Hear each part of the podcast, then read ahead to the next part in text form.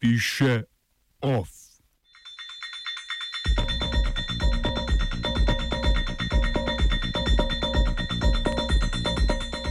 Nekdanja sudanska vladajoča stranka nacionalnega kongresa razpuščena. Berlinska kluba Kit Kat in Zage ogrožena zaradi načrtovanja gradnje luksuznih stanovanj.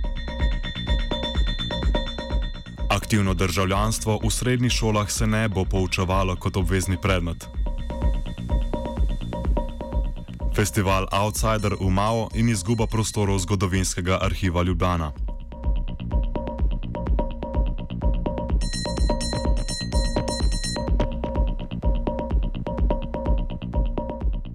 V Sudanu je prehodna vlada sprejela zakon, s katerim je razpustila nekdanjo vladajočo stranko bivšega predsednika Omarja Al-Bashirja, stranko nacionalnega kongresa.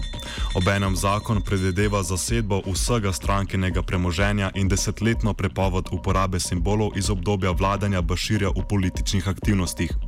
Isti dan je prehodna vlada tudi ukinila zakon iz časa preteklega obdobja, ki je močno omejeval pravice žensko javnosti. Te do sedaj denimo niso smele nositi hlač ali se udeleže, udeleževati zasebnih zabav. Stranka nacionalnega kongresa svojo razpustitev sicer razglaša za ilegalno. Gre sicer za eno od ključnih zahtev protestnikov, ki so spomladi povzročili padec 30-letnega obdobja Baširjeve vladavine. Po odstavitvi Baširja so sporazumom o deljenju oblasti protestniške skupine in vojska oblikovali prehodno vlado, ki bo na oblasti tri leta, na to pa bodo izvedene volitve.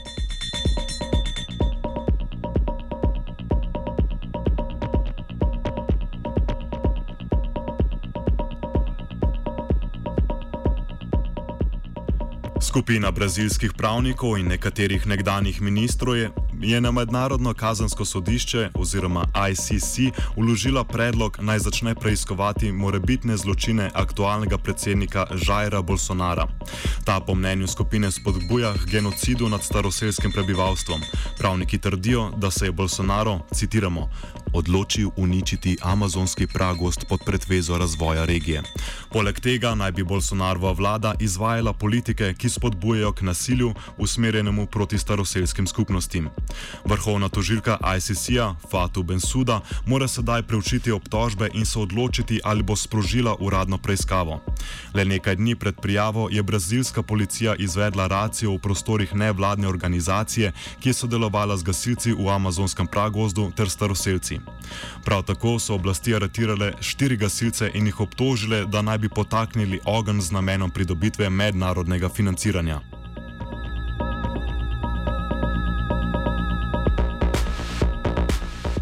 Boliviji, kjer so napadi na staroseljce vsakodnevno razvedrilo novih samooklicanih oblasti, se spreminja tudi zonanja politika. Ministrica za zonanje zadeve Karen Longaric, sicer vnuknja hrvaških priseljencev, je napovedala obnovitev diplomatskih odnosov Bolivije z Izraelom. Diplomatske stike je prejšnji predsednik Evo Morales prekinil leta 2009, potem ko je v tritedenski operaciji v Gazi izraelska vojska ubila skoraj 1300 palestincev.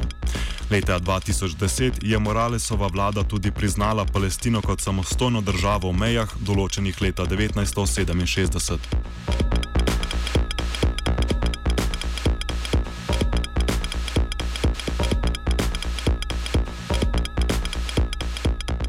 Lastniki zemljišč berlinskih zloglasnih klubov KitKat in Zage nameravajo slednja nameniti gradnji luksuznih stanovanj.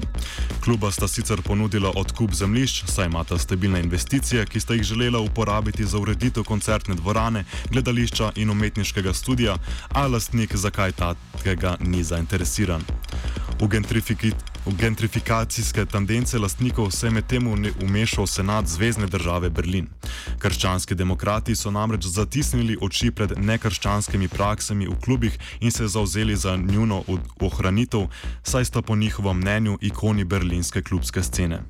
Senatu so predlagali naj kluboma zagotovi alternativno zemljišče z možnostmi ugodnega in dolgotrajnega najema.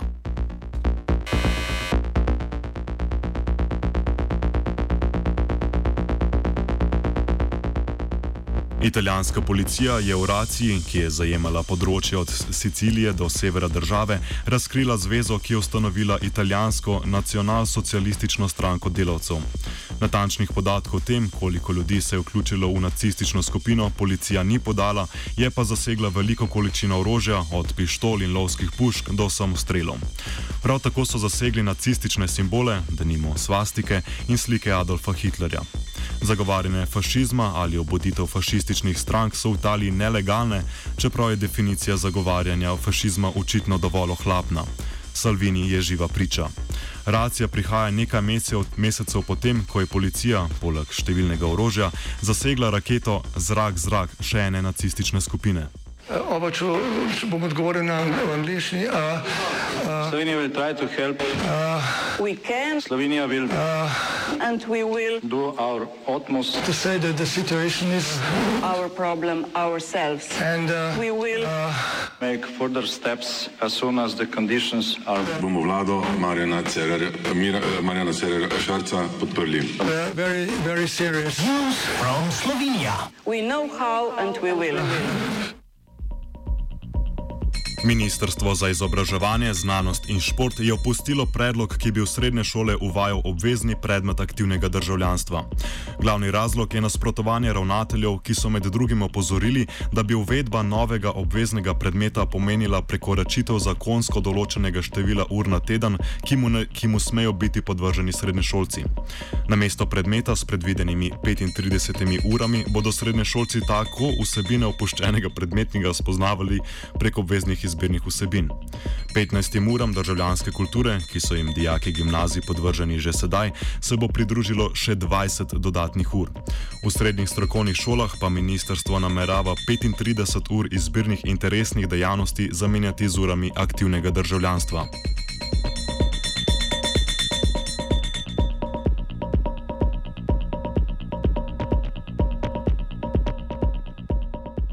Iztekel se je rok javne debate o osnutku stanovanskega zakona. Maša Haulina iz inicijative Kje bomo pa jutri spali razloži, zakaj predlog zakona, kljub obetavnim ciljem, ne bo bistveno rešil stanovanske krize. Recimo, fino je, da se uvede predkupna pravica za stanovanske sklade in druge neprofitne stanovanske organizacije. Um, fino je, da so v stanovanskem zakonu prvič opredeljene stanovanske zadruge. Um, recimo, potem imajo neke čisto v redu predloge, mislim, ne, niso v redu predlogi, v redu so ideje, skratka, da bi zamejili rast najemnin eh, na trgu, da bi uvedli oderuško najemnino, ampak so na tak način ukrepi postavljeni, da um, so ta trenutek, pač tako kot so zapisani, lahko le simbolični.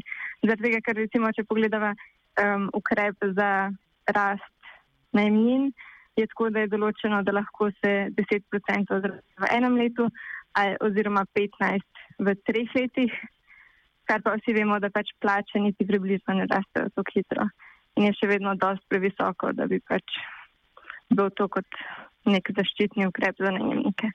Uh, Odruška najemnina je recimo opredeljena na način, da, je, da ne sme presegati 50 odstotkov povprečne tržne najemnine, ampak nihče ne ve, kakšna je tržna najemnina, ker nimamo teh podatkov, ker pač je trg nenadzorovan. Um, tako da to so neki taki ukrepi, ki kao, grejo v pravo smer, ampak v bistvu pač ne bodo imeli nobenega učinka. Um, potem, kar se recimo zelo ne strinjamo, je, da omogočajo stanovanskim skladom, da prodajo svoje stanovanja. Um, potem druga stvar, ki nam ni všeč, je ta možnost poroštva pri kreditu za mlade, za nakup stanovanja. Um, Zaradi tega, ker zaenkrat kaže, da vse bo več ulaganja v stanovansko področje, bi šlo samo za to. Um, to pa v bistvu povečuje uh, lasništvo, ki ga imamo že itak preveč. Um, hkrati pa tudi zaradi tega, ker ustvarja še večje popraševanje in je na trgu, kjer že tako ali tako nimamo dovolj stanovanj, tudi še dodatno lahko poveš, povišuje cene. Uh, hkrati pa bolj kot koristi mladim, ki bi prek tega mogoče lahko dobili stanovanje, uh, v bistvu koristi bankam.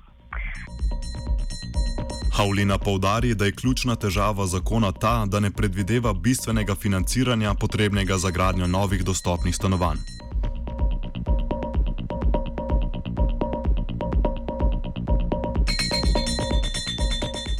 OF je pripravila Zala.